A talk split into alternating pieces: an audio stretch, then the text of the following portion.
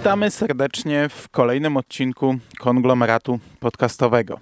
Dzisiaj mówi do Was Hubert Spandowski, czyli Mando, i jest ze mną e, Rafał Siciński, SIK. Witam Cię bardzo serdecznie, cześć. Cześć Mando, cześć Rychu, dobry wieczór, dzień dobry słuchaczki i słuchacze. I jest z nami dzisiaj Marek Wyszyński, czyli Rychu. Cześć, witam Ciebie. Cześć Mando, cześć Siku, witam wszystkich.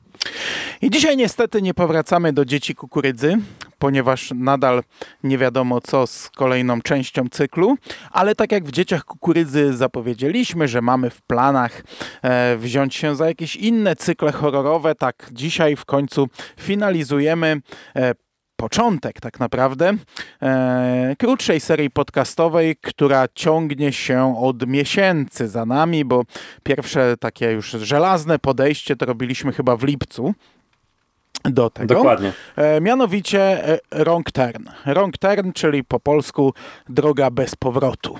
I to jest znów e, dłuższa seria filmów, którą e, jeszcze w zasadzie chyba nie wiemy, jak ją podzielimy, ale dzisiaj chcemy sobie pogadać o e, teoretycznie dwóch oryginalnych filmach, czyli o e, filmie, który rozpoczął sześcioczęściowy cykl.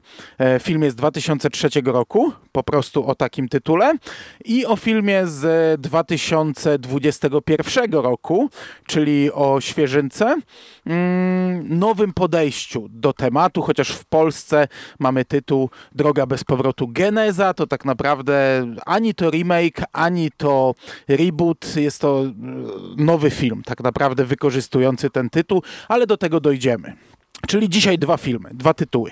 A co zrobimy z pięcioma sequelami, jakie podzielimy, to o tym sobie pomyślimy e, w przyszłości. Mam do Was pytanie. Czy, mm. y, bo ten film z pierwszy Wrong Turn z 2003 roku, czy on funkcjonował pod tytułem Zły Skręt? On funkcjonował pod tym tytułem tylko na DivXach, wiesz, chyba, które mieliśmy i na płytach, mm, które tak były podpisywane. Okay. gadanie takie na forach. Rozumiem, dobra. I mogło ci się tak już utrzeć w głowie. Ale to jest głupi tytuł, Zły Skręt. Trochę tak też, też głupio brzmi. Chociaż Droga bez powrotu też jest głupim tytułem. Ale fakt, ja też go znałem pod tym tytułem przez lata i dopiero chyba w zasadzie przy startowaniu tego cyklu yy, gdzieś mnie, do mnie dotarło, że to jest droga bez powrotu jednak. Ja, ja, ja ten film oglądałem pierwszy raz e, na prawdopodobnie pirackim DVD. To znaczy moja wypożyczalnia kaset wideo, która później przerodziła się w wypożyczalnię filmów DVD, e, miała dla stałych klientów taki katalog z podlady. I to były po prostu DivXy prawdopodobnie przerzucone na DVD, ale akurat pamiętam doskonale, że ten film mm, miał jakieś tam menu proste i byłem pewien, że to jest po prostu jakiś tam, no nie wiem, piracka wersja skopiowana z oryginalnej, bo tam chyba nawet jakieś dodatki były, mm, typu trailer. I tam w tłumaczeniu byłem przekonany, że tam rzeczywiście był zły skręt, e, bo było, nie było lektora, był tylko były napisy. E, I przez wiele lat e, Wrong Turn było dla mnie złym skrętem. E, tak samo. Znaczy ja wiedziałem, że funkcjonuje pod tytułem Droga bez powrotu, bo później e, ten film widziałem w telewizji. Mm, ale też było zaskoczeniem, że nigdzie nie znalazłem w oficjalnych tutaj e, przeglądałem i Wikipedię i przeglądałem e, film web i nigdzie ten tytuł nie pojawia się. Nie, to dla mnie nigdy tak nie funkcjonował. Pamiętam, że tak ludzie go podpisywali. 2003 rok to jest jeszcze ten czas, gdzie internet jeszcze był słaby i ludzie wymieniali się DivXami, więc każdy, kto miał trochę więcej filmów, miał listę w Excelu i te listy udostępniał na forach albo podsyłał sobie i, i ludzie go pewnie tak podpisywali, ale, ale nie, on, on dla mnie dla mnie nigdy akurat tak nie istniał, a ty pewnie miałeś jakąś tam, wiesz, jakieś wydanie ze stadionu, nie? Mhm. Takie bardziej ekskluzywnego pirata, że się komuś chciało trailer i menu robić. Um, no, Natomiast oglądaliście, w ogóle e, macie w głowie, to będzie dla was powtórka całej serii, czy, yy, czy tylko te pierwsze filmy, ten pierwszy widzieliście kiedyś, a zatrzymaliście się dalej? Ja oglądałem trzy pierwsze filmy, to na pewno. I wydaje mi się, że. Bo mam je ocenione na Filmwebie. E, natomiast wydaje mi się, że oglądałem jeszcze piątkę albo szóstkę, ten, który dzieje się zimą. To czwórka. To czwórka, to w takim razie czwórkę oglądałem jeszcze. Ja widziałem jedynkę i dwójkę kiedyś zacząłem, ale odpadłem, nie wiem. Chyba mnie po prostu nie chwyciła wtedy. Także dla mnie to jest w zasadzie pierwsze przejście przez tą serię. No z wyjątkiem pierwszej części, bo ją oglądałem już w tym momencie drugi, tam powiedzmy drugi i pół raz, bo też gdzieś faktycznie na jakimś takim, nie wiem, zjeździe czy czymś, pamiętam, że znajomym kiedyś go oglądałem. Mhm. No ja jedynkę oglądałem kiedyś, oglądałem w lipcu, oglądałem teraz i jeszcze pewnie oglądałem kilka razy. Dwójkę i trójkę też kilka razy i, i w miarę mam dosyć, e, dosyć wspominam, to znaczy pamiętam te filmy, nie? E, od czwórki ja zacząłem chyba już tak w okresie jak kombinat istniał. Pamiętam, zacząłem sobie, stwierdziłem, że sobie obejrzę całą tę serię i czwórkę bardzo dobrze wspominam. To, to może być, może być ciężkie, ciężkie zderzenie z tym filmem, bo ja mam cały czas w głowie, że to jest świetny horror. Natomiast 5 i 6 e, są straszne. Znaczy szóstki nie dałem rady. 5 e, dałem radę, a szóstka odpadłem bardzo szybko. Nie, nie, nie, nie dźwignąłem To jej. zapowiada nam się fantastyczna seria. właśnie nie, właśnie ja pamiętam, że już ta końcówka to jest naprawdę takie, e, tam jest tych trzech braci i już oni, mm, no te filmy mają inny klimat zupełnie niż jedynka, bo ta jedynka jednak jest brudna, jest, e, jest taka, e, ta, ta, ta ich chata, to wszystko to jest, wiesz, jak, jak z nowej teksańskiej masakry piłą mechaniczną, to wszystko jest krew obrzydliwe, nie, i tak dalej, a, a, a potem to jest po prostu głupie. D, d, d, trzech braci w gumowych maskach biega i, ha, ha, ha, i się śmieją, nie, i wiesz, i strzelają do ludzi. No dobra, tak jak wspomnieliśmy, pierwszy film 2003 rok, reżyser Rob Schmidt, scenariusz Alan B. McElroy, który jest uważany za twórcę tej serii. To jest scenarzysta, który yy, zaczynał od czwartej części Halloween. Nie, czw tak, czwartej części Halloween. E, pisał też scenariusz do e, takiego filmu Spawn. e, poza tym ma na koncie scenariusze dla, mm, dla filmów od WWE. E, robił e, Marine, jedynkę i czwórkę. Jako scenarzysta Condemned, dwójkę. E, ma też na koncie Tekena i on również pisał scenariusz do remake'u, więc jest to osoba, która e, łączy te dwa filmy chyba jako jedyna, bo e, cała reszta e, to jest już zmieniona. Mm, mhm. Rob Schmidt, czy Rob Smith? Nie, Rob Schmidt, dobrze. Schmidt, jest, to, Schmidt. Schmidt. jest to facet, który e, co ciekawe występował w, w tej antologii Mistrzowie Horroru. E, ja nie pamiętam, jaki on tam odcinek robił, przepraszam, ale to dla mnie było zawsze jeden z tych dziwnych wyborów reżysera, który no, miał ten wrong turn na koncie i, i zaprosili go do Mistrzów Horroru, później jeszcze do Fear Itself, ale tak naprawdę to e, on nie ma pokaźnej filmografii. Zrobił jeden thriller z Duszku, która tutaj też e, występuje w pierwszym filmie, Abecadło Mordercy. Jest to film, w którym Elizabeth Duszku się rozbiera, o ile dobrze kojarzę. Także to jest chyba jedyny, jedyny, no nie wiem, jedyna rzecz, która ten film. Z, jedyna rzecz, przez którą ten film zostanie zapamiętany, może w ten sposób. Chcesz rychu streścić? Pierwszą e, część? Bardzo chętnie, ale posłużę się tutaj e, filmwebem. Grupie znajomych i przypadkowemu lekarzowi przychodzi walczyć o życie ze zdeformowanymi kanibalami mieszkającymi na odludziu. I ciężko byłoby ten film chyba streścić lepiej, tak? Grupa młodych ludzi, która ma no, wiem, zdarzenie drogowe z młodym lekarzem w lesie na złej drodze, po złym skręcie, idzie szukać pomocy telefonu, no i trafiają do chaty Hannibali, przepraszam, kanibali, no i dalej już jest standardowa walka o życie. Tak, Tyle. dzieje się to w zachodniej Virginii. Tyle jeszcze można dodać w jakimś tam parku narodowym, czy. No tak, górzysty, leśny teren. Mhm. Dokładnie. E, I co tutaj można powiedzieć jeszcze? E, ja powiem tak, od czego mi się wydaje, że ten film w ogóle ma genezę. Nigdzie nie, nie znalazłem tej informacji, ale e, dla mnie jak oglądałem za pierwszym razem i ten film mi się strasznie podobał wtedy, to ten film ewidentnie był zainspirowany odcinkiem The Family z The X-Files, z rodziną Peacocków. To jest drugi albo trzeci sezon, chyba trzeci sezon, prawda Mando? Mm, chyba czwarty sezon, ale nie jestem też pewien na 100%. Okej. Okay czyli y, rodzinę zdeformowanych y, ludzi mieszkających gdzieś tam na uboczu, która y, sieje postrach w okolicy.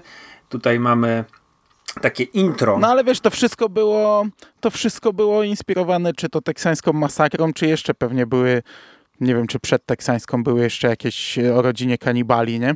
Także, także w sumie nie wiem, czy ja bym szedł w kierunku archiwum Chyba, że jakieś tu widzisz jeszcze głębsze nawiązania. To te deformacje takie, które y, mamy te informacje z intra, tą dziwną muzykę, która tak zwraca uwagę bardzo mocno i e, denerwuje i gdzieś ten właśnie styl tego intro, e, tych takich właśnie mm, jakichś wspomnień o mutacjach, o morderstwach w okolicy, to mi nasunęło właśnie za pierwszym razem, bo ja byłem wielkim W sumie możesz mieć rację, tej... możesz mieć rację, bo mm, teksańska masakra to jest zamknięcie fabryki z mięsem i po prostu przejście na inną dietę, nie? Mhm. Tam nie ma kazirodztwa, tam nie ma e, deformacji spowodowanych po prostu rozmnażaniem się e, wewnątrz własnej rodziny, a, a, a tutaj to jest. No, jest jeszcze taka, wiecie, no prawdziwa historia, chyba oni się chyba nazywali Whitakerowie, i jeszcze jedna, pamiętam, że oglądałem kiedyś dwa dokumenty na YouTube, jakieś krótkie, właśnie o takich rodzinach e, inbredów, kurczę, no jakby ludzi z kaziroczych związków przez ileś tam pokoleń, więc mhm. myślę, że tym też to było inspirowane, bo to jest dość głośna e, historia, czy, czy no, motyw w, w, w USA. Także myślę, okay. że to też mogło być tym, e, tym podyktowane. I oni są z zachodniej Virginii właśnie. Więc y, nawet sobie teraz sprawdziłem. Mówię, bo o tych Whitakerach kiedyś coś widziałem. Więc myślę, że tutaj te, te inspiracje też jak najbardziej mogły być. Dobrze, że cię mamy, osobę e, wykształconą, oczytaną, a nie tak jak my z Mando, dwa mutanty, nic nie wiedzą o świecie, tylko popkultura. E, tak. Ale wiecie I... co, ja nie wiem, czy ja nie natrafiłem na to kiedyś właśnie przy okazji szukając czegoś o tym filmie, czy no wiem, czy, czy kurde teksańskiej masakrze, no gdzieś mi to wyskoczyło samo na YouTubie, no raczej takie rzeczy nie, nie wyskakują spontanicznie, tylko raczej są na podstawie, wiecie, historii wyszukiwania, więc widocznie musiałem gdzieś w tą stronę iść w którymś momencie. Mhm. Yy, dobra, powiedzcie mi jedną rzecz, bo yy, czy ten film można nazwać takim wejściem w nową epokę, jeżeli chodzi o horror? Yy, bo do tej pory, no powiedzmy lata 90. to było już jakby to ładnie ująć no horror się nie miał najlepiej. Było to odcinanie kuponów, kolejne części serii. Te horrory były um, dosyć um, w takim, takim dziwnym rozkroku. Raczej szło się w tą, to CGI, już jakieś takie słabe. Nie było takiej właśnie serii, bo, bo wtedy była, chyba w 94 była teksańska masakra Następne Pokolenie i ona była wygaszona też do prawie 2003 roku. A tutaj mamy właśnie taki powrót do korzeni. Też nie było, e, Wzgórza mają oczy, też nie, nie były kontynuowane w latach 90. Ale Wzgórza mają oczy, no to 2006 Aleksander Ażanie, mhm. ale 2003 ten no to okres to remake, faktycznie, no bo miałeś ale to też jest remake, remake teksańskiej masakry. No, mhm. chyba 2006 to był The Beginning, czyli e, prequel do, do tej nowej teksańskiej. No i Wrong Turn, które się okazało bardzo długą serią. Także tak, to jest jakiś tam e, nowy nurt tych, tych horrorów o mutantach i o i tych takich, e, nie wiem jak ten gatunek się nazywa. Survival horror? To byłoby no, dobre to chyba najbardziej no, survival horroru będzie, nie? Też, też się zastanawiam, no bo, no bo slasherem to to absolutnie nie jest więc no, najbliżej chyba do takiego survival horroru. Ale co jeszcze mnie tutaj co wyróżnia, to jest takie pójście w bardzo e, mocną przemoc graficzną. Ten gore i, e, i znowu powrót do gumy, do lateksu, do charakteryzacji, do praktycznych efektów specjalnych. E, mm -hmm. I to właśnie wtedy tych, tym 2003 roku, bo premierę e, Wrong Turn miało w maju, 30 maja. E, wydawało mi się, nie wiem, czymś szalenie odświeżającym. Po, po latach, gdzie ten horror no, nie był najwyższych lotów, przynajmniej według mnie, a ten, ten film zwrócił bardzo moją uwagę wtedy właśnie tym takim podejściem do, do, do, do tego, jak są i antagoniści przedstawieni, i jak ta przemoc e, wobec tych dzieciaków, wobec tej młodzieży w lesie była pokazana. To, to, to zrobiło na mnie wrażenie. I mm, ja no, wiesz, nie wiem właśnie kiedy miało premierę e, Teksańska Masakra, musiałbym to sprawdzić. Październik. Jeśli mówisz o remake'u, to październik. Październik. No to, no to tutaj mamy rzeczywiście e, wcześniej. Także ten, ten film dla mnie to zapoczątkował i tak właśnie ja go odbieram. Drugie, to jest takie pożegnanie się z latami 90. Jest bardzo niewiele mm, takich typowych dla. Chociaż są przemycone niektóre elementy, ale dużo takich, no nie wiem. Mm, szybka akcja. E, brak jakiegoś, jakichś snów, jakichś głupot takich pojawiających się, paranormalnych rzeczy, to jest mocno osadzony, stojący na ziemi horror. I to było wtedy naprawdę czymś e, świetnym. Jak wracałem teraz do niego, to też się dobrze bawiłem. Brak golizny też, nie? Bo to też był taki, no w latach 80., 90. tego było dość dużo, nie? Mhm. A tutaj tego nie ma. Chociaż te bohaterki no, są skąpo ubrane, znaczy może nie skąpo tak, ubrane, ale... ale no, jest powiedzmy szczucie cycem, a nie okładanie nimi po twarzy. Ja wiem, mhm. że to koszmarnie brzmi w tym momencie, no ale w latach 80 -tych, 90 tego, tego było bardzo dużo. Tutaj faktycznie e, one są skąpo odziane, to jest, wiesz, no one są mo może nie przeseksualizowane, ale no bardzo mocno jest to wyeksponowane, natomiast mówię, no jest to znowu krok w inną stronę, tak, w stosunku do tego, co, co było w tych lat, latach 90., no i, no i to dalej jest powiedzmy progres, nie? Od tego czasu. To był taki w ogóle y, wehikuł czasu dla mnie ten film, bo ta stylowa przełomu wieków, czyli ciut za duże koszule, ciut za długie spodnie, biodrówki, muzyka new metalowa, w, y, która gdzieś tam gra w, y, na napisach. Ale, co warto zwrócić, może rzeczywiście nie ma e, golizny, ale jeżeli chodzi o dialogi, to co dialog, co rozmowa to jest seks. Cały czas gadają o bzykaniu. O tak, tak. Tu podtekstów, nawet nie podtekstów, nie? Tylko jakby, wprost, wprost. No. Wprost gadania o tym jest, jest bardzo dużo, nie? Więc no mówię, no to nie, nie, nie upatrujmy w nim jakiejś tam świetlanej przyszłości, przynajmniej jeśli idzie o te klimaty, ale faktycznie, słuchajcie, ja sobie nawet teraz patrzę na horrory z tam, roku 2000, 2002, 2001 i faktycznie kurde, nie było tego typu filmów jeszcze wtedy. No, no one zaczęły. Co prawda co, one nadal, te dwa, które były w 2003, czyli Teksańska Masakra i e, Droga bez powrotu, one nadal robią wrażenie fajne. Nadal mają kilka fajnych motywów, bo ja je odświeżałem oba w zasadzie w ciągu kilku dni i oba mają coś fajnego. Co prawda e, Teksańska jest o tyle dla mnie ciekawsza, że jest mniej szablonowym filmem. Tam, e, tam ta akcja jest, trochę zaskakuje, tam, gdy oni zabierają tę autostopowiczkę, autostopowiczka strzela sobie w głowę. To są rzeczy, które nie są e, takim, e, takim pójściem po checkpointach. Tutaj jednak mamy te checkpointy. Koleś siedzi w jakimś korku i się cofa, jedzie na stację benzynową, gdzie siedzi dziadek z jednym zębem, nie? I chce zadzwonić gdzieś, ale międzymiastowa to pan zapłacisz, czy to jest międzymiastowa? Stąd chyba każda jest międzymiastowa. Czy pan sobie, że mnie żartuje, nie?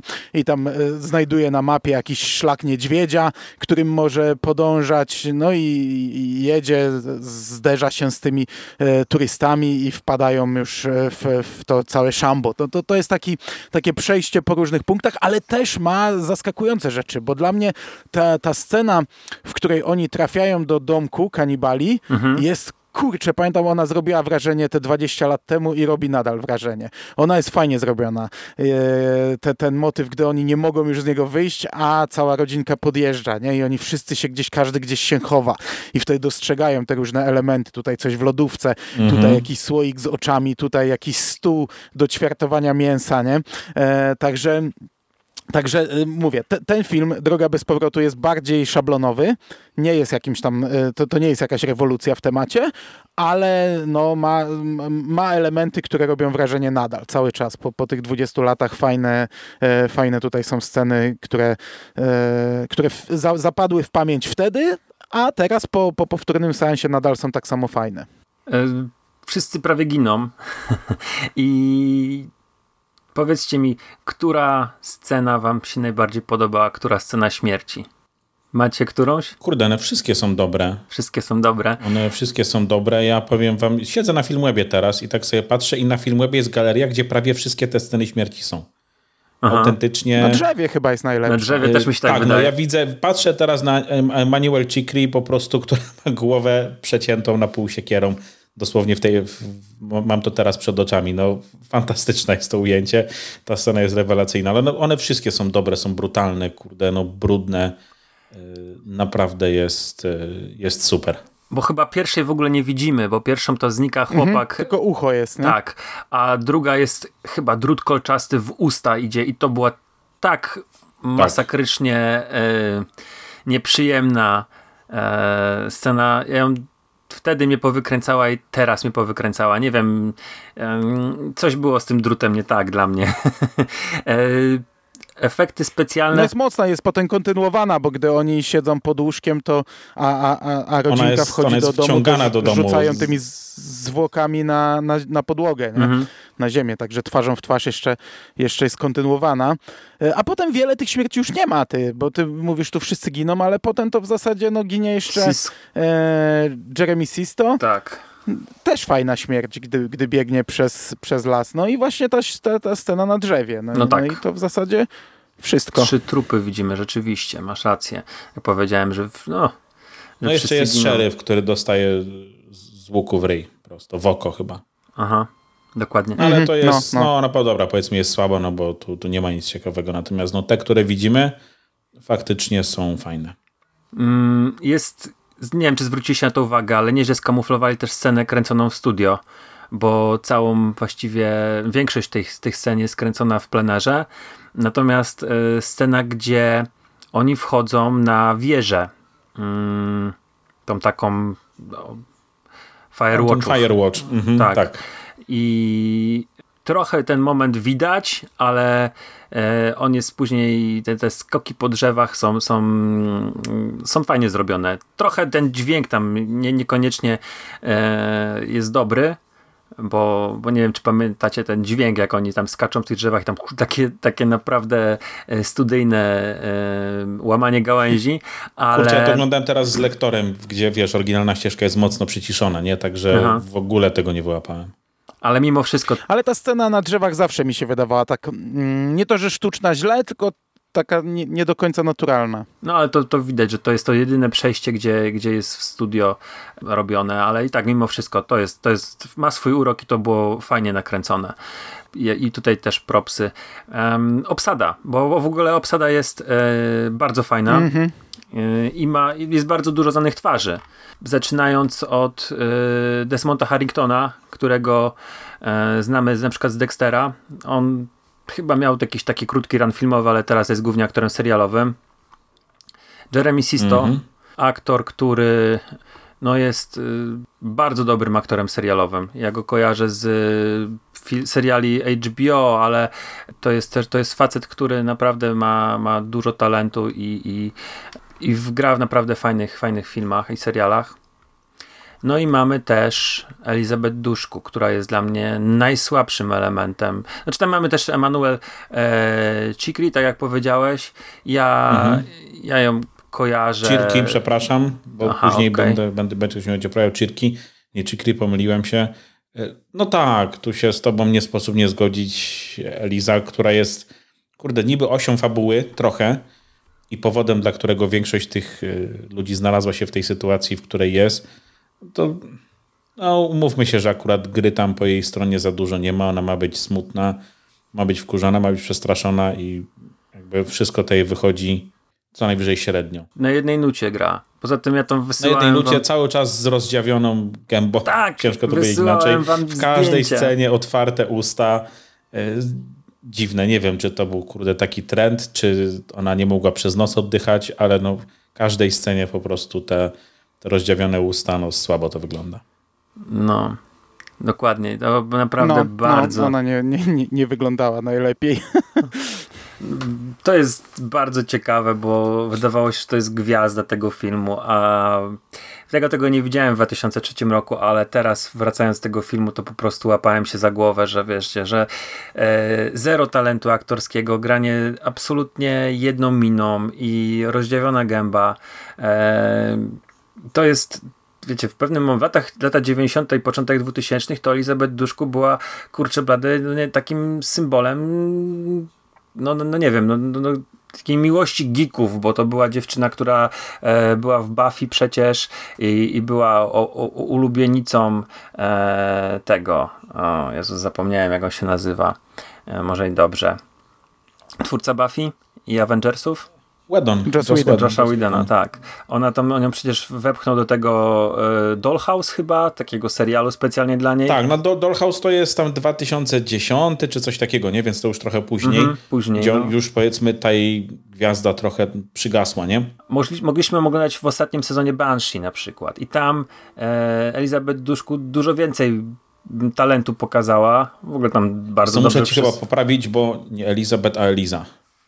A, Aliza, To dobrze. nie jest zdrobnienie od Elizabeth. No dobra, Aliza Duszku e, grała w Banshee. Tam dużo więcej talentu aktorskiego pokazała. No to co, przeszliśmy przez drogę bez powrotu. A, może jeszcze mutanty. Znaczy tu mamy jeszcze jednego aktora, jeszcze jednego aktora, o którym ja bym wspomniał, właśnie Mutanta, bo jego gra, jednego, jedną z postaci gra Julian Richings, a to jest A. bardzo charakterystyczny aktor. Mhm. On ma ponad 200 ról na koncie, ostatnio Chapelwaite, e, Tak, Superman. X-Meni, mm, Doom Patrol, w, King, Mhm. ki, w tym, w Kingdom em, Hospital i, i cała masa, cała masa, grał Śmierć w Supernaturalu, Channel Zero, masa, masa produkcji. nie? Kurde, no tak, ja patrzę na jego zdjęcie teraz i mówię, kurde, no faktycznie śmierć przede wszystkim, nie? Przez ostatnie lata, z których ja go kojarzę. No, to jest tak charakterystyczna postać, on ma bardzo, bardzo dużo ról. Co prawda, no, ten postać, którą on gra, to mm, będzie przez wszystkie chyba części, bo to jest właśnie ten taki śmieszek, ha, ha, ha co się tak chichra, Mhm. jeśli się nie mylę. Nie podejrzewam, że to raczej nie on będzie już go grał dalej. No, ale tutaj mamy w, w charakteryzacji takiej dosyć ra, raczej ciężkiej do rozpoznania. No.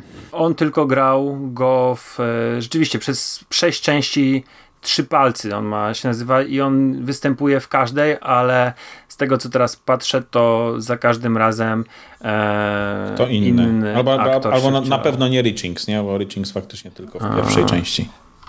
A my o nim nie, roz- nie wspominaliśmy przypadkiem też, e, jeżeli chodzi o któryś z naszych podcastów e, kingowych, jeszcze jakiś. On, on nie grał przypadkiem jeszcze w Worku Kości? Chyba tak. Nieważne. Grał w Worku Kości, na pewno grał u Garisa.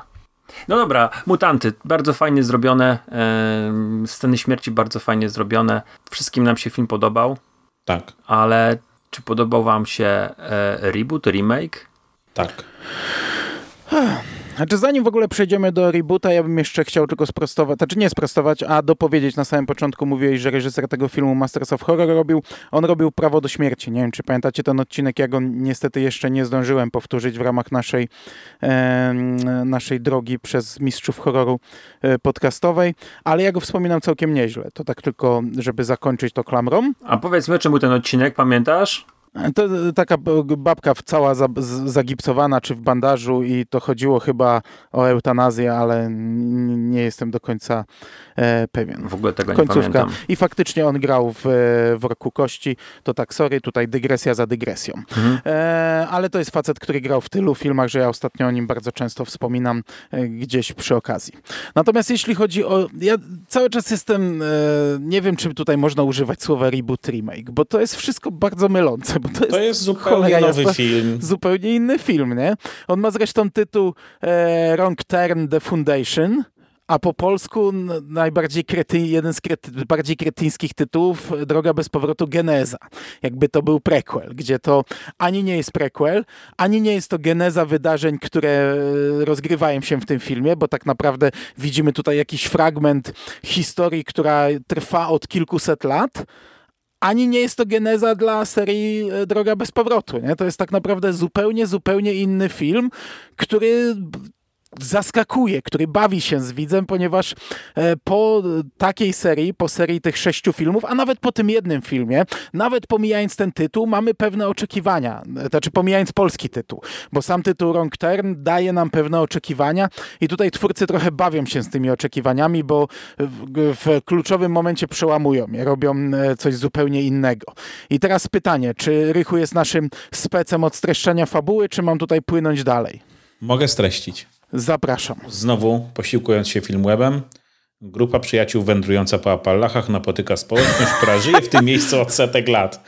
E, no znowu grupa młodych ludzi, tym razem nie mają wypadku samochodowego, tylko są na kempingu w lesie, postanawiają pójść skrótem, albo nie skrótem, ale w konkretne miejsce, żeby coś... Zejść ze szlaku. Coś, tak, zejść ze szlaku, żeby coś tam sobie obejrzeć i gówno trafia w wiatrak. No w zasadzie tyle, tak?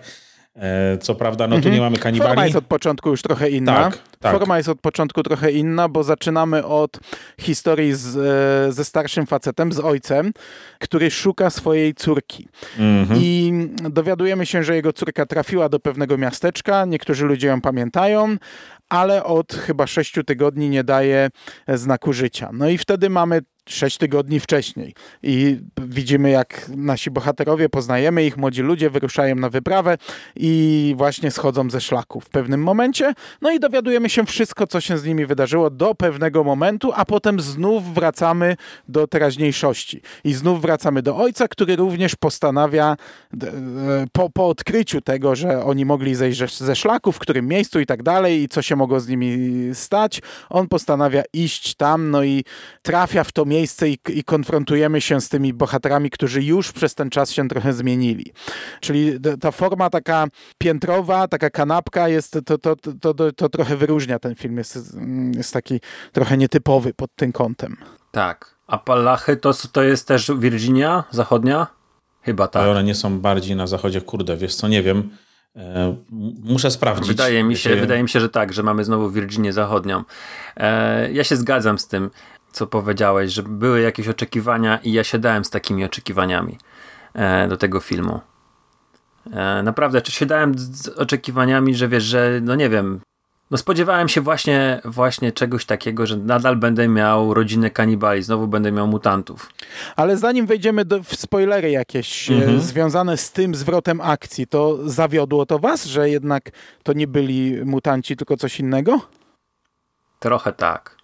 Trochę na początku tak, natomiast później jak to się zaczęło rozwijać i jak zobaczyliśmy, co się dzieje u tych no, ludzi, których napotkają nasi bohaterowie, to jakoś mi to kliknęło, ale przez to, że ja miałem może bardzo delikatne y, skojarzenia z Midsommar, które absolutnie kocham, więc naciągam to sobie może. Także było zdziwienie, lekkie rozczarowanie, ale finalnie byłem na tak po tym filmie.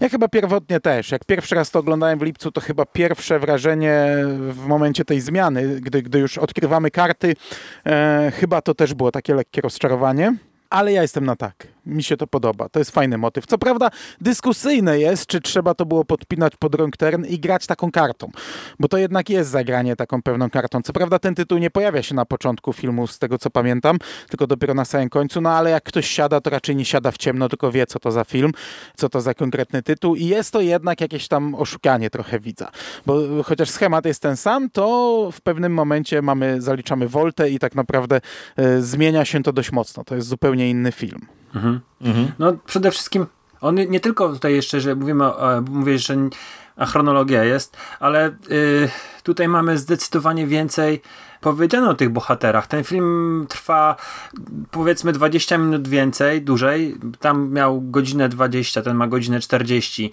z hakiem i kurde, mamy tych bohaterów, tę, tę, tę młodzież, która o tamtej mogliśmy powiedzieć tylko tyle, że no jedni byli zaręczeni i szykowali się do ślubu, ale generalnie wszyscy gadali tylko o seksie i był jakiś pan doktor, który był typem milczącym i właściwie e, nic o nim nie mogliśmy się dowiedzieć. E, żadnego takiego, nie wiem, mm, dialogu, cech charakteru. Tak samo Duszku, no grała, tak jak Marychu wspomniał, smutna, zdołowana załamana, przestraszona, ale... Do wszystkiego jedna mina, no. No tam w końcówce ona dostała tylko jedno zdanie, że, że, że tam, nie wiem, chłopak ją chyba rzucił i, i z, jak tylko, tylko zdążyła powiedzieć przyjaciołom, to oni już wszyscy brali urlopy, żeby z nią wyjechać na, na, na ten wyjazd i że tacy to są przyjaciele. Mm, no to tyle, tyle tam padło, a tak to cały czas po prostu z otwartą buzią chodziła, nieważne co się działo, nie? Mhm. A tutaj jednak yy, naprawdę w bardzo podobnym jeżeli chodzi o, o, o, czas antenowy, czy ilość minut poświęconych tym bohaterom, my już wiemy o nich zdecydowanie więcej.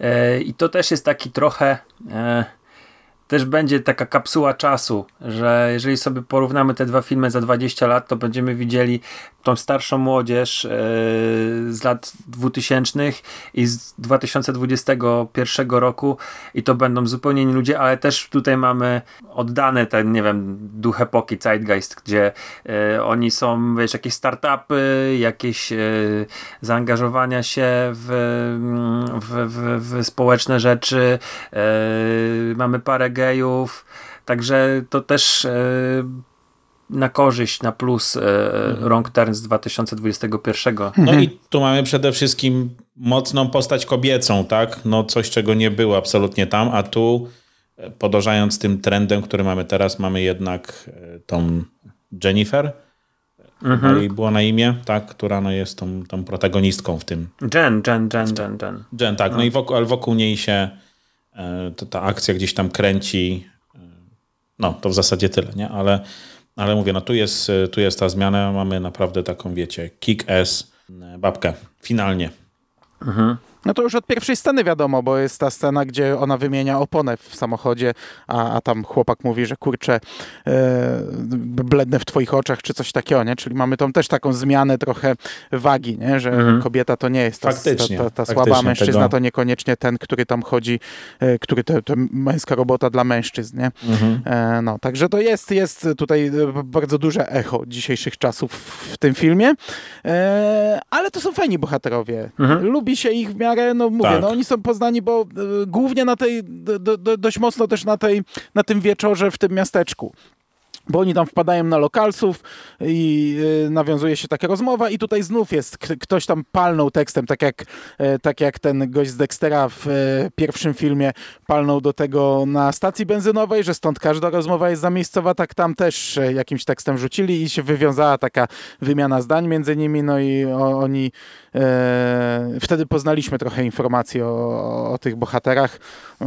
i to są fajne typy. No mamy tą parę gejów, którzy kończą najszybciej tak naprawdę mamy tę parę główną, która, która zderza się z zupełnie innym problemem później.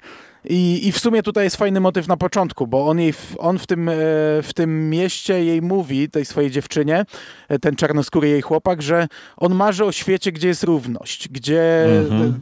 gdzie nie, nie, nie cierpi się za to, że jest się, nie wiem, mniej wykształconym, czy, czy właśnie innego koloru skóry, czy innego wyznania. I gdy to oglądasz pierwszy raz, to myślisz sobie o takich tam frazesach, nie? A jak już wiesz, co ich czeka za chwilę i jaką on decyzję będzie musiał podjąć, to to ma trochę inne znaczenie, nie? No mhm. i mamy tę parę te, te parę tego takiego luźniejszego, bardziej agresywnego kolesia z tą e, chudą dziewczyną jego, oni też mają zupełnie inne problemy, bo po prostu on ją zostawia kilka razy e, uciekając gdzieś i za każdym razem obiecuje poprawę, ja cię kocham i będę z tobą, a e, ostatecznie całkiem fajnie ten wątek jest też spuentowany. Zupełnie inaczej, zupełnie o wiele szybciej niż para główna i tak naprawdę te pary tutaj mm -hmm. są ze sobą, jakby to nie zabrzmiało, sparowane przez cały film, nie? E, i, i, i każde jakoś tam to się razem rozwija. Bardzo fajna scena pierwszej śmierci, gdy oni schodzą ze szlaku idą już od kilku godzin, już się zaczynają kłócić i nagle spada na nich jakieś e, drzewo toczące się z góry. Tak, tak. Wiesz co, ja w ogóle mam wrażenie, że tu wszystkie te sceny śmierci były, e, były podobne w tym sensie, że tutaj dość dużym wątkiem jest deformacja twarzy. I to mówię serio, bo to w Aha. paru scenach e, bohaterowie... No, sceny są z, tak, gdzie po prostu ze zmiażdżoną twarzą. Ktoś ma zmiażdżoną twarz. Mam wrażenie, że to był jakiś fetysz e, reżysera. No bo tak, to jest ta śmierć, którą dostajemy na początku i później w trakcie egzekucji i to jeszcze raz się chyba gdzieś tam pojawia, nie? I jeszcze wcześniej, bo egzekucja jest zrobiona na tej samej zasadzie, za, no, no to jest sąd, nie? Tak. Kolej zabił jednego z nich e, gałęzią, zmiażdżył mu głowę, więc jemu też zmiażdżono głowę tą samą gałęzią. No tak, dokładnie, dokładnie, nie? Ale mówię, to widać taki, taki fetysz, bo no, kamera bardzo jasno to pokazuje, nie? Jakby mamy takie, takie wręcz wycentrowany kadr, kurde, nie? Żeby, żeby zobaczyć tą, tą zdeformowaną twarz. I, no fajna ta scena była. Mhm. Ten motyw toczącego się pnia, on jest fajny, co prawda głupi, no bo ten pień gdzieś się powinien zatrzymać raczej chyba, no ale, ale to jest fajna taka ucieczka. Na samym początku trochę jak kojot wiluś, biegną do przodu, a potem w, za, w zasadzie zaczynają się toczyć, spadać, wywracać, odbijać i tak dalej. No i jeden z bohaterów zostaje przymiażdżony do drzewa. E, fantastyczna śmierć, ale też inni bohaterowie, tam ten główny ma palec wygięty bardzo mocno -hmm. i ma nastawiany, -hmm. bo jedna z nich jest, e, ma medyczne wykształcenie. E, i, i, I na samym początku od tego momentu mamy cały czas tą grę z widzem, grę z oczekiwaniami.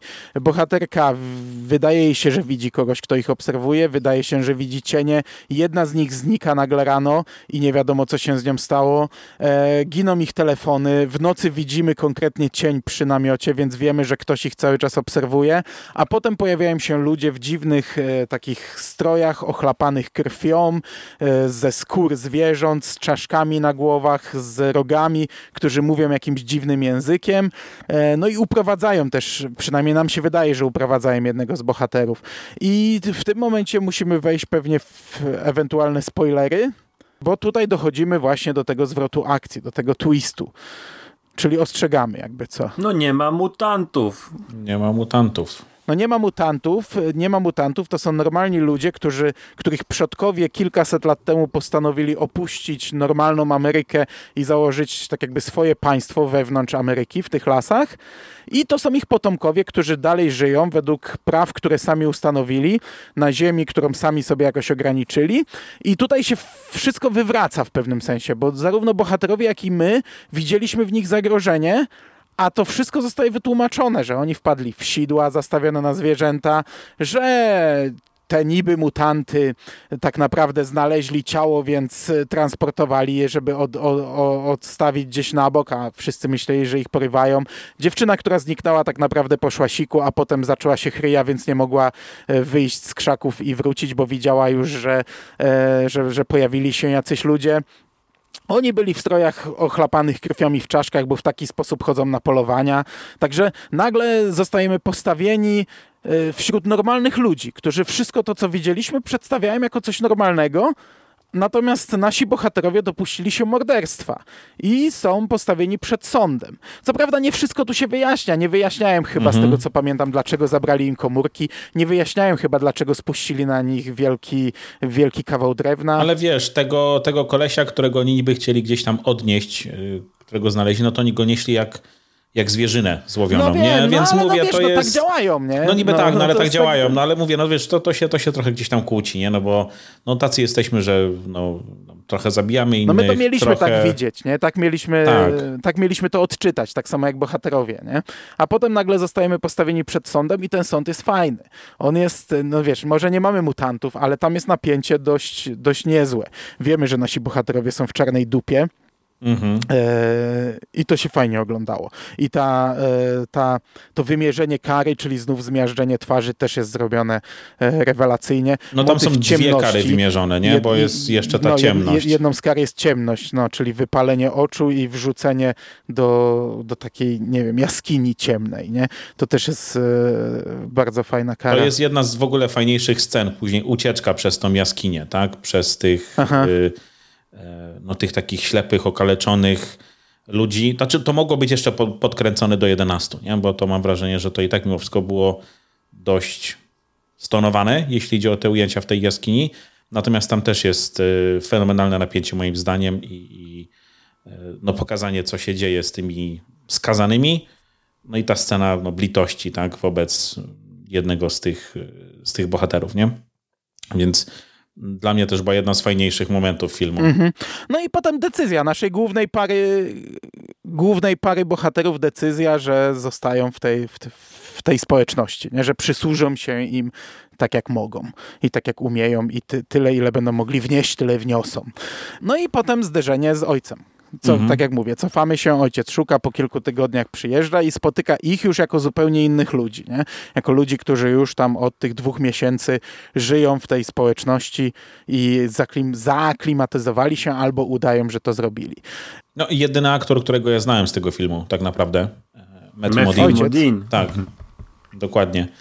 To było takie, e, ten aktor mi się zawsze będzie kojarzył i tak, i tak z latami 90., bo zawsze jak były trailery e, filmów na VHS-ie, to on był przedstawiany Matthew Modine i to wiesz, od razu miał być taki lepszy film, no bo ten facet grał Ptaśka e, w Ptaśku i grał w Full Metal Jacket, o ja dobrze pamiętam. A w nowszych hitach grał w Stranger Things. Grał tak. lekarza, no który tak, tak. zajmował się jedenastką, nie? Ale te lata 90. to wiesz, to nie wiem, czy Vision, czy, czy jakiś inny e, dystrybutor zawsze reklamował każdy film, jak był z Matthew Modinem, nawet jakąś mniejszą rolę miał, a raczej nie miał, to był reklamowany e, najnowszy film Matthew Modina i e, tak naprawdę zawsze było wielkim rozczarowaniem te filmy dla mnie, bo to były jakieś takie, wiesz, nudne filmy, dramaty sądowe, czy coś w tym rodzaju. Znaczy tu jest jeszcze jeden aktor, bo mówiłeś, że, że jedyny znany aktor jest... Jeden, który, jedyny, którego ja znałem, nie? To jakby... Mm, y, no, jest jeszcze ten, ten wioskowy chłop, facet, o któremu mówią, że ma żółte oczy, to jest Tim Desarne. Ja o nim ostatnio mówiłem, jak z Jerrym e, rozmawialiśmy o opowieściach skrypty. On tam grał, ale on ma też pokaźną filmografię. To jest Dom w głębi lasu, Fight Club, Spider-Man, e, Teksańska masakra piłą mechaniczną. Mm, to jest bardzo charakterystyczna twarz tego, tego takiego wieśniaczka starszego, e, który w końcówce zresztą pomaga naszym bohaterom. Jasne, ale jest jeszcze y, mhm. ta Emma Dumont, ta, która poszła, poszła siku, to jest aktorka, która jest... Y, ona grała w X-Menach, w tych Gifted, Gifted. tak, y, grała Polaris, mhm. ale ona ma naprawdę całkiem sporo ról na koncie. z tego co wiem, ona jest chyba teraz jedną z bardziej lubianych aktorek Paula Thomasa Andersona, bo ona występuje w Licore, Licore tak, w Licorice, Licorice Pizza, tak. Pizza i wcześniejszym jego filmie Wada Ukryta. E, no i ona, to jest, to jest bardzo charakterystyczna buzia, ma naprawdę sporo filmów. Ja ją, ja ją najbardziej kojarzyłem z tych y, wszystkich aktorek i aktorów tak naprawdę. No i jeszcze jest y, Billy Sage, który jest przywódcą powiedzmy tej społeczności to też jest znany aktor. To jest facet, który zaczynał też w latach 90., pewnie z setka ról na koncie. Gdzieś tam z takich bardziej, które ko kojarzę, to to na pewno e, American Psycho. Mhm. On grał w e, takiego jednego z powiedzmy kolegów Batemana, ale sporo ról takich horrorowych też było u niego. Ja, ja jego też kojarzyłem, ale mówię, najbardziej no to Matthew Modine i, i ta Emma Dumont. Okej, okay czyli wy jesteście na tak, a ja wam powiem, że ja nie jestem na tak. Mnie ten film, to początkowe rozczarowanie, gdzie okazało się, że nie ma mutantów, to poczułem się oszukany tym tytułem, tym, że, byłem, wiesz, dostałem świetny, świetny początek sceny, jak yy, czy tej spadającej kłody, czy w ogóle tego zaszczucia w lesie, tego, że oni się gdzieś tam pojawiają, widzisz tą postać w tym kamuflażu e, przez sekundę. Mhm, tam oko się otwiera mhm, raz tak. na zbliżeniu na drzewo. Jasne, no. I wiesz, ja byłem przekonany, że to będzie e, to jak oni się podnoszą, jak oni się chowają w tych skałkach no, i tak, widzimy no. z tyłu i skaczących nad nimi, fantastyczna scena. E, Dobra, nie przerywam. W ogóle te skałki wszystkie, to przypominały mi naszą wyprawę y, z 2009 roku do tego skalnego miasta na Słowacji. Te, mhm. te formacje skalne bardzo mi przypominały i, i wiesz, ja byłem zachwycony. Ja, ja sobie zdawałem sprawę, że to pewnie nie są aż tak zdeformowani ludzie, ale jak trafili na, na, na społeczność, która nie jest kanibalami, która jest gdzieś tam normalna, to poczułem się rozczarowany i oszukany i dla mnie cała reszta, no ten, ten znaczy muszę przyznać, że ten proces trzymał mnie w napięciu i ta graficzna przemoc, która w pewnym momencie tam jest, to podniosła mi ciśnienie i to było bardzo intensywne, ale no nie mogłem się z tym pogodzić i męczyłem się w drugiej połowie. No kurczę, męczyłem się. Jak się ten ojciec pojawia i już, już e, gdzieś tam ma tą konfrontację z, z, ze swoją córką, to e, odliczałem, odliczałem czas, żeby ten film się wreszcie skończył. A sama końcówka? No bo to Lekko od, od tego momentu, od, bo to od momentu, gdy oni już podejmują te decyzje, gdy jest proces, gdy jest wymierzenie kary i ich decyzja, to tam nie ma już rewelacji aż takiej. Bo wtedy pojawia się ojciec, na początku myślimy, że, że nie wiem, no, ci bohaterowie mm, już są tak bardzo na, po tamtej stronie, że tu nawet ojca zaraz e, stracą, nie? A oni po prostu uciekają. Ta ucieczka jest dość umiarkowanie prosta. Jeszcze się tam nagle pojawiają ci wieśniacy, którzy też potracili gdzieś tam bratanków i innych i im pomagają w tej ucieczce. I to tyle, nie? No i wtedy trafiamy do tego dobrego już życia ich, no i ta ostatnia scena, która też jest w sumie trochę dyskusyjna. Tak, bo e, nagle ktoś, kto niby miał żyć od pokoleń e, w lesie, okazuje się, że no, on gdzieś tam wychodzą sobie A, z no, tego lasu. samochód. Znaczy to już wychodzili na samym początku, tak, bo wiedzieliśmy, wiemy, że ci tacy najbardziej... No przecież ta, ta jedna z tych dziewczyn sprzedaje no, te, to rękodzieło, nie? szefa mhm. sprzedaje, tak, ta mała dziewczynka też biega po mieście, ale to ci chyba ojcowie założyciele, potomkowie ojców założycieli, nie jacyś tam zwykłe pionki, oni raczej nie mogą. No ale wiesz, tutaj mamy scenę, że oni jadą kamperem, także mhm. E, to, to oni ma, widać, że mają umiejętności również inne, nie? No i trafiają w tych swoich rzeczach takich super e, ładnych, normalnych i do, do, do jej domu i mamy tę scenę taką, taką to jest no. taka scena zmyłkowa, mm. że ona zabija tak, ich wszystkich, tak. giną wszyscy również członkowie jej rodziny i nagle matka trup zaczyna mówić do niej, nie? Co ty zrobiłaś? I wtedy nagle przechodzimy, że to wszystko w głowie jej się działo i, i, i jeszcze raz, nie? No to była komiczna scena. Ja, ja, autentycznie parsknąłem śmiechem, jak ta matka zaczęła mówić, nie? Bo to było coś, coś takiego mega no. surrealistycznego. Mnie się ta końcówka jako tako podobała. Tu już sam wiecie, ta ostatnia scena w tym kamperze, której my nie widzimy tak naprawdę, tylko kamper, który gdzieś tam uderza. No, jak ona wybiega i zaczyna ich zabijać na drodze i wtedy jeszcze z tą wolną muzyką idzie w kierunku, z tą dziewczynką idzie w kierunku mm, kamery. No ona jest okej, okay, no ale, ale, ale cała ta e, scena jako, ca, jako całość, ta kończąca, to tak nie wiem, czy ja bym coś takiego tutaj dodawał do tego filmu. Ta scena była moim zdaniem totalnie niepotrzebna po mhm. prostu, bo ten film się już mógł skończyć trzy razy wcześniej, trochę jak Powrót Króla, nie? Nie wiedzieli na co się zdecydować i to jeszcze jedno zakończenie, to jeszcze jedno, to jeszcze jedno, to jeszcze twist, to jeszcze dwa twisty, nie? I to było już trochę, może nie męczące, ale przekombinowane, no. To jest mimo wszystko dość, dość prościutki film. A czy to jest, czy to jest film, który w jakiś sposób zajmuje stanowisko do tego, co się dzieje w Stanach, bo to nie jest e, wymysł, nie? że jakaś tam od, odizolowana społeczność żyje gdzieś. E, był taki serial mm, z Johnem Hurt, Hurstem, czy y, tym, którego grał, grał Opiego w w Snach Anarchii, mhm. tak. I tam właśnie też była jakaś, powiedzmy, no bardziej, bardziej też odizolowana społeczność, tylko już no, nie, nie żyjąca w skórach i, i, i nie nosząca czaszek niedźwiedzi, ale e, w Stanach Zjednoczonych coraz więcej e, jest takich e, gdzieś tam no, izolowanych jakichś mieścin, czy, czy właśnie społeczności, które, prepersów, ale nie tylko, którzy gdzieś tam sobie zajmują sami kawałek ziemi, dają swoje prawa własne i, i żyją własnym, no nie wiem, jakimś tam pod własną konstytucją nie uznają e, rządu.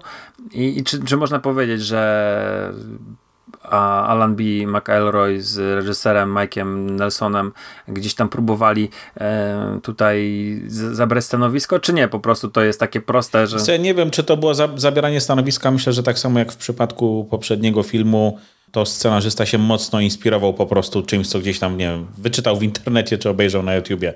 Tak, tak mhm. jak tam mieliśmy tą rodzinę kazirodczą, tak tutaj mamy coś, może wiesz pojawił się jakiś artykuł, który on przeczytał, obejrzał jakiś dokument i o, dobra, to można z tego zrobić horror, nie? No bo to ja nie, nie sądzę, żeby to było jakiekolwiek stanowisko, natomiast raczej widzę, że po prostu prędzej inspiracja. Wybrał sobie, wybrał sobie ludzi, którzy żyją gdzieś tam na uboczu jako, jako straszaków, gdzieś tam e, jasne.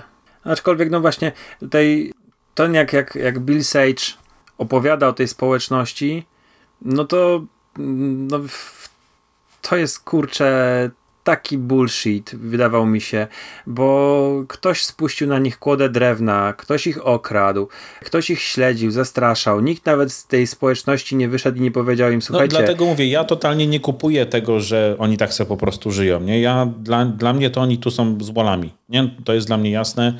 Ja nie widzę tutaj dwóch, wiecie, tak nie obiektywnych punktów widzenia. Dla mnie oni zawsze byli ci źli. To jest jakby głupie tłumaczenie, ale to już bardziej chyba po prostu nieudolność scenarzysty.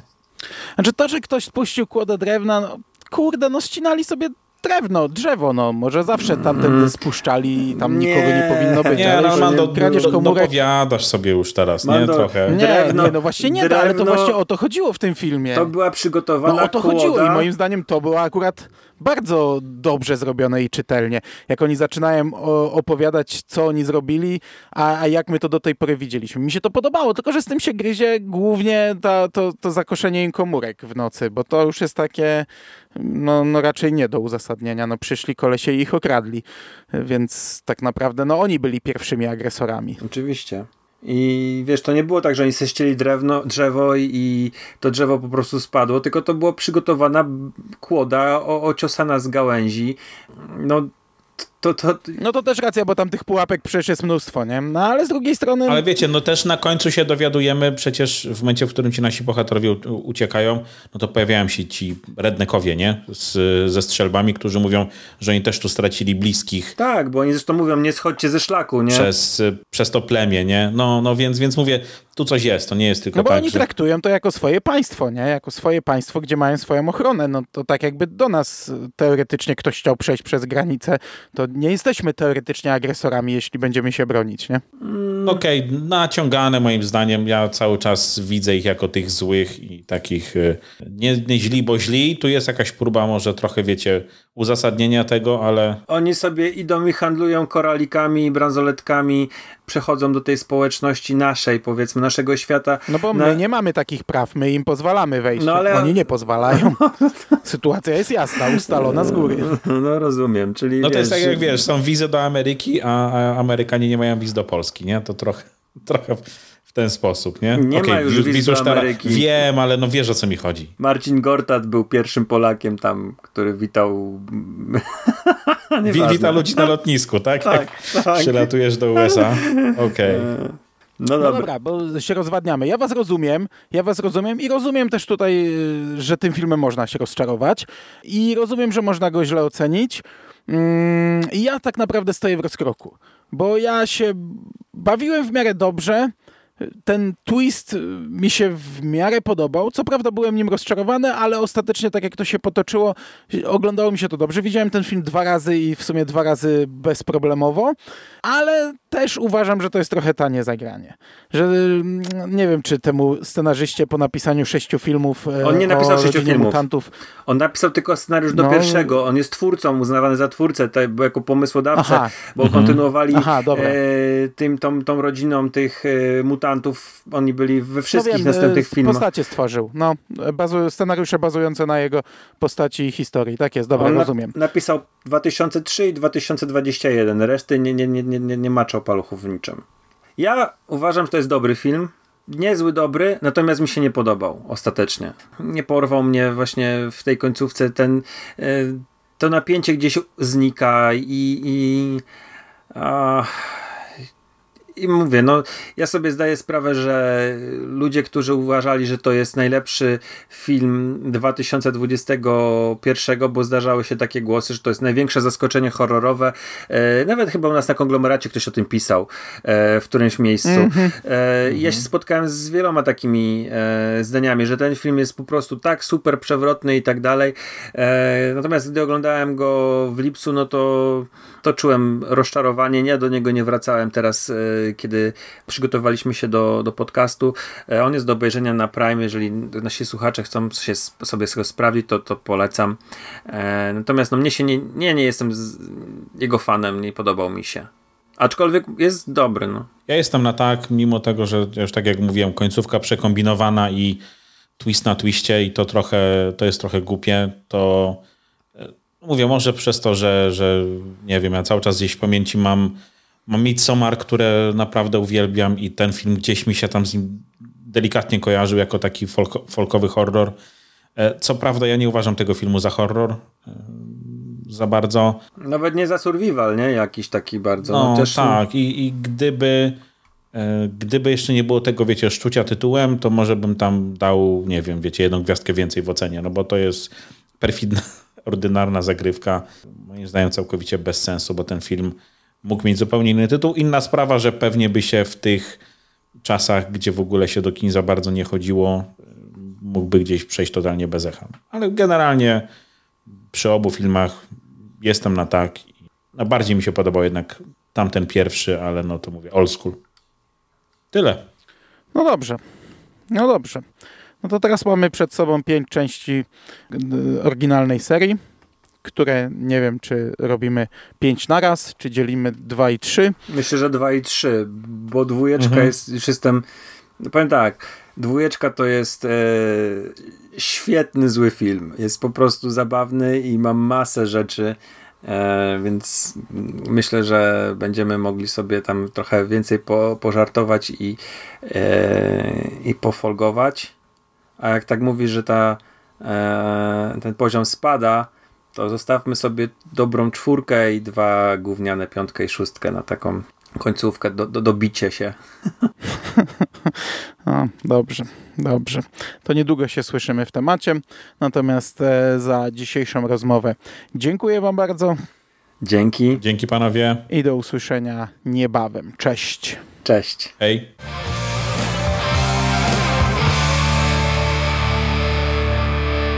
You finished?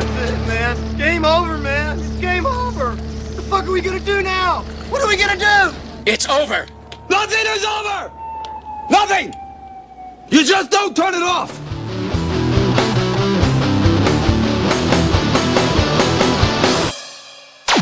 Kurde, u mnie raz, leci, raz, raz, raz, ja raz, raz, ładnie się nagrywa, raz, raz, raz, raz. Dobra.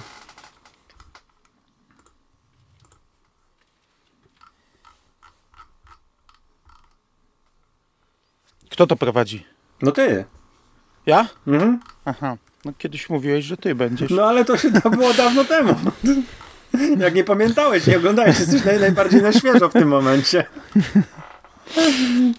No, no, no niestety. E, witamy serdecznie w kolejnym odcinku konglomeratu podcastowego.